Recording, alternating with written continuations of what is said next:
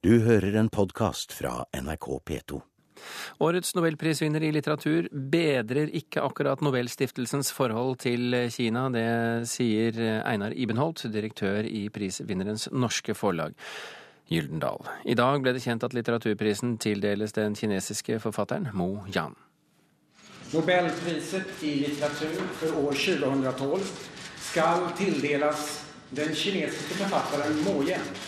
Klokken ett i dag ble spenningen utløst på Svenske Akademien i Stockholm. De siste dagene har den kinesiske forfatteren Mo Yan figurert på tippeselskapenes topp ti-lister. Likevel var overraskelsen stor hos Gyldendal, som gir ham ut i Norge.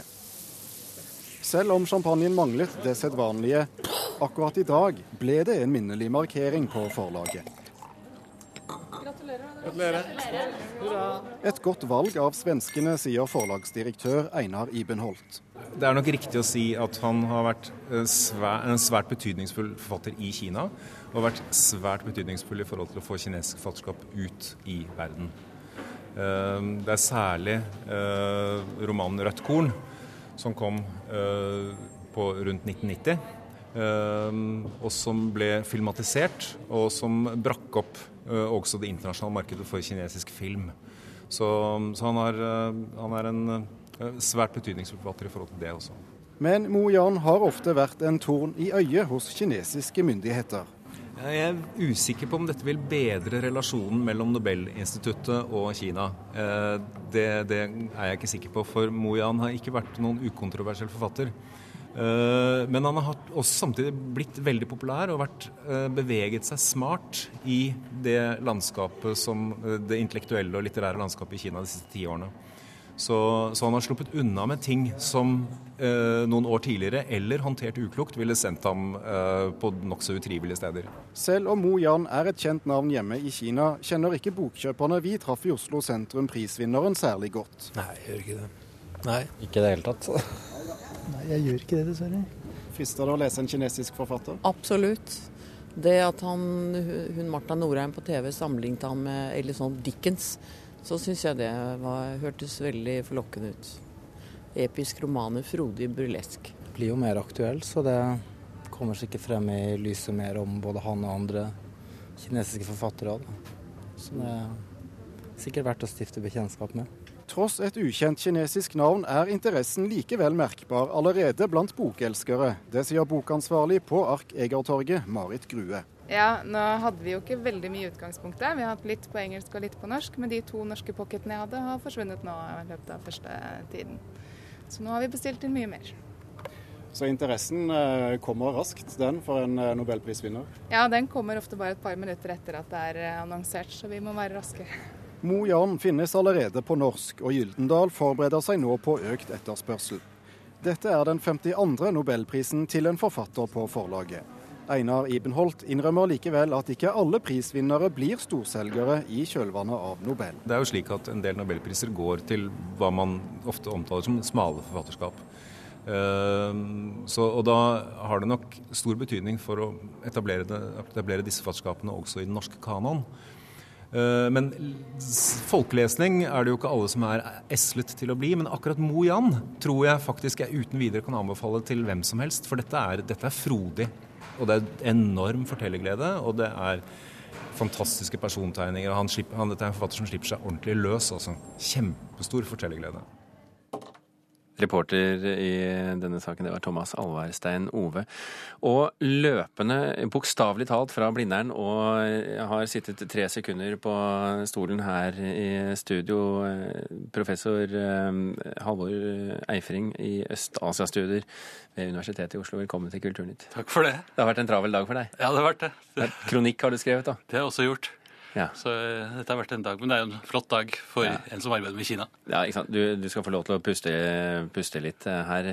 Mo Yan det er jo et pseudonym for den kinesiske forfatteren Joan Moye, og jeg aner ikke om jeg uttaler det riktig. Hvilke forskjell ligger i, i disse to navnene? Moyen, som det uttales, Ja. betyr egentlig bare 'ikke snakk'. Og det er nok en ganske ironisk eh, betegnelse på ham selv, for han er ikke noen eh, akkurat ordfattig forfatter. Han er, han eh, er veldig ordrik. Jeg leste at han prøver å minne seg om å ikke snakke for mye. Ja, og skrive for mye.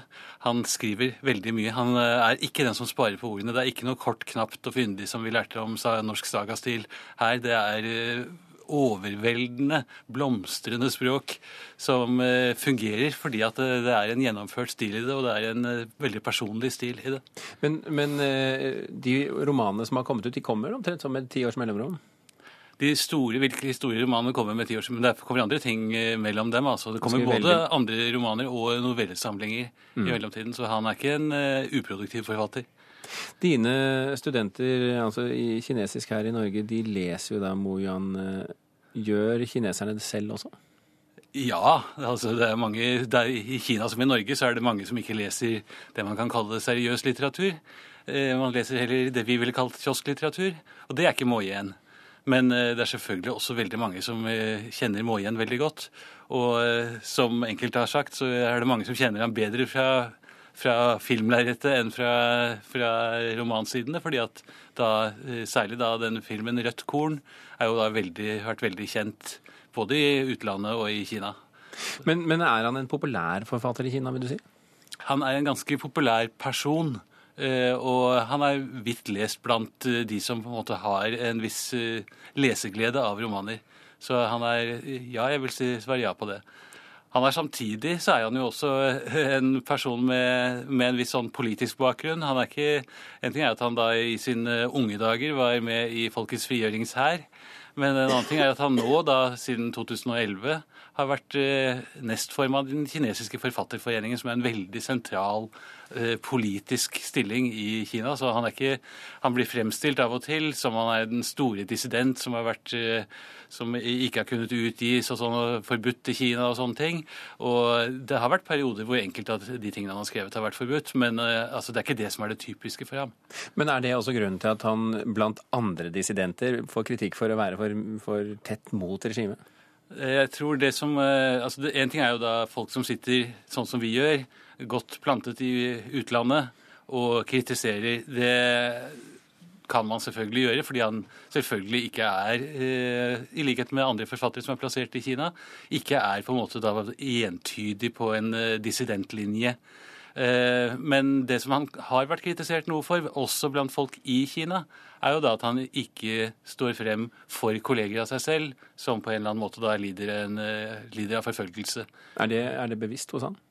Det er klart at han, som veldig mange andre, er veldig bevisst på hvor kan han eh, gå videre eh, og på en måte støtte opp om da de som da ikke får eh, myndighetenes støtte, og hvor kan han ikke gjøre det uten at det er for stor risiko for ham selv.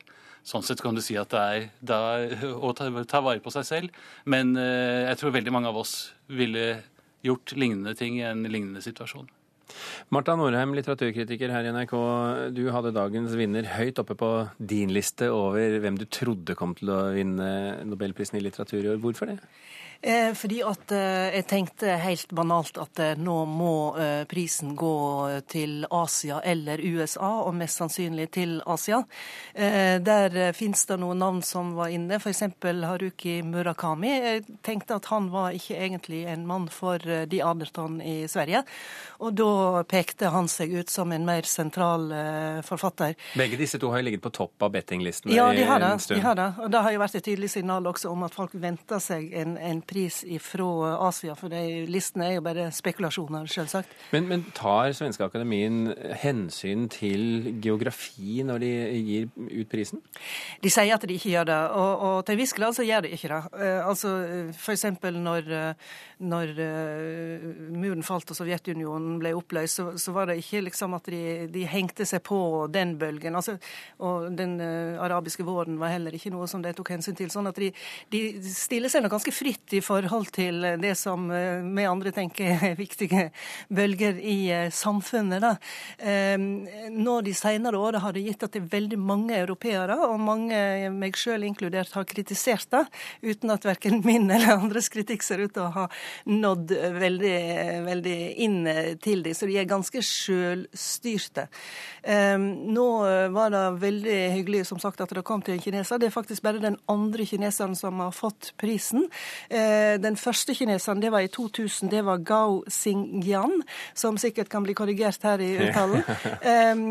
Men det som er med han, er at han bodde i Frankrike og var allerede blitt fransk statsborger da når han fikk prisen. Så dette er den første kineseren som bor i Kina, som får prisen. Og det er også interessant. Hva, hva betyr det, Fring? Det betyr veldig mye. Kinesere er ekstremt opptatt av nobelprisen. Og så langt har de jo da hatt et litt sånn traumeaktig forhold til den prisen. Den her Fredsprisen har gått til Dalai Lama i 1989 og til, eh, til eh, Liu, Liu Xiaobo i 2010. Det var ikke eh, det kinesiske myndigheter hadde ønsket seg.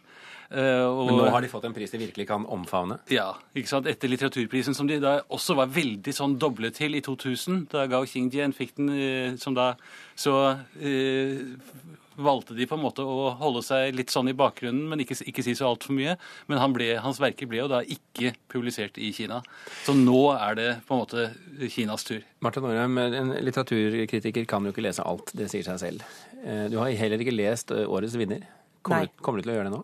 Jeg er i gang, men uh, dette er jo ganske uh, store verk. altså Over 600 sider har han, uh, har han, i denne 'Livet og døden tar rotta på meg'. Men jeg er i gang, og det virker veldig spennende. 'Livet og døden tar rotta på meg' den er gitt ut på Gyldendal forlag. Og Janniken Øverland på telefon fra bokmessen i Frankfurt. Hvor lenge er, siden, er det siden dere begynte å gi ut nobelprisvinneren nå? Uh, hei. hei. uh, vi, vi, begynte å gi ham ut i 2010. Så den er ganske fersk for dere også? Ja da, vi har en bok i 2010 og en bok i 2011. Og ikke minst var dette fordi det skulle være et stort uh, norsk-kinesisk arrangement på Litteraturhuset i Oslo. Som vi la opp til det, og så skulle han komme, og så kom han ikke i siste liten. Så det var jo synd. Det var en annen nobelprisutdeling som kom i veien? Ja, kanskje det. Hva sier folk rundt deg nå i Frankfurt på messen der om årets nobelpristildeling? Nei, altså folk er begeistret fordi det er, eh, som Marta Norheim sier, det er strålende at eh, de i komiteen ser litt andre veier. Og det ser jo helt opplagt at det er underrepresentert både altså de fleste verdensdeler, egentlig. Er du overrasket over denne tildelingen? Nei, altså jeg går jo alltid på bokmessen rundt med en sånn liste hvor jeg har forlagets kandidater, og han sto jo på den listen. Janniken Øverland, eh, vi har litt dårlig lyd på telefonen, så vi skal gjøre dette ja, kort. Eh, men mm. tusen hjertelig takk for at du kunne være med fra eh, Frankfurt. Og så takker jeg altså Marta Norheim og Halvor Eifring for at dere kunne komme. Eifring for sin del løpende ned fra, fra Blindern. Kronikken din, Eifring, har nå kommet ut på nrk.no ytring. Så de av dere våre lyttere som har lyst til å lese den, de kan gå inn på den nettsiden. De kan gjøre det nå eller etterpå. Du har hørt en podkast fra NRK P2.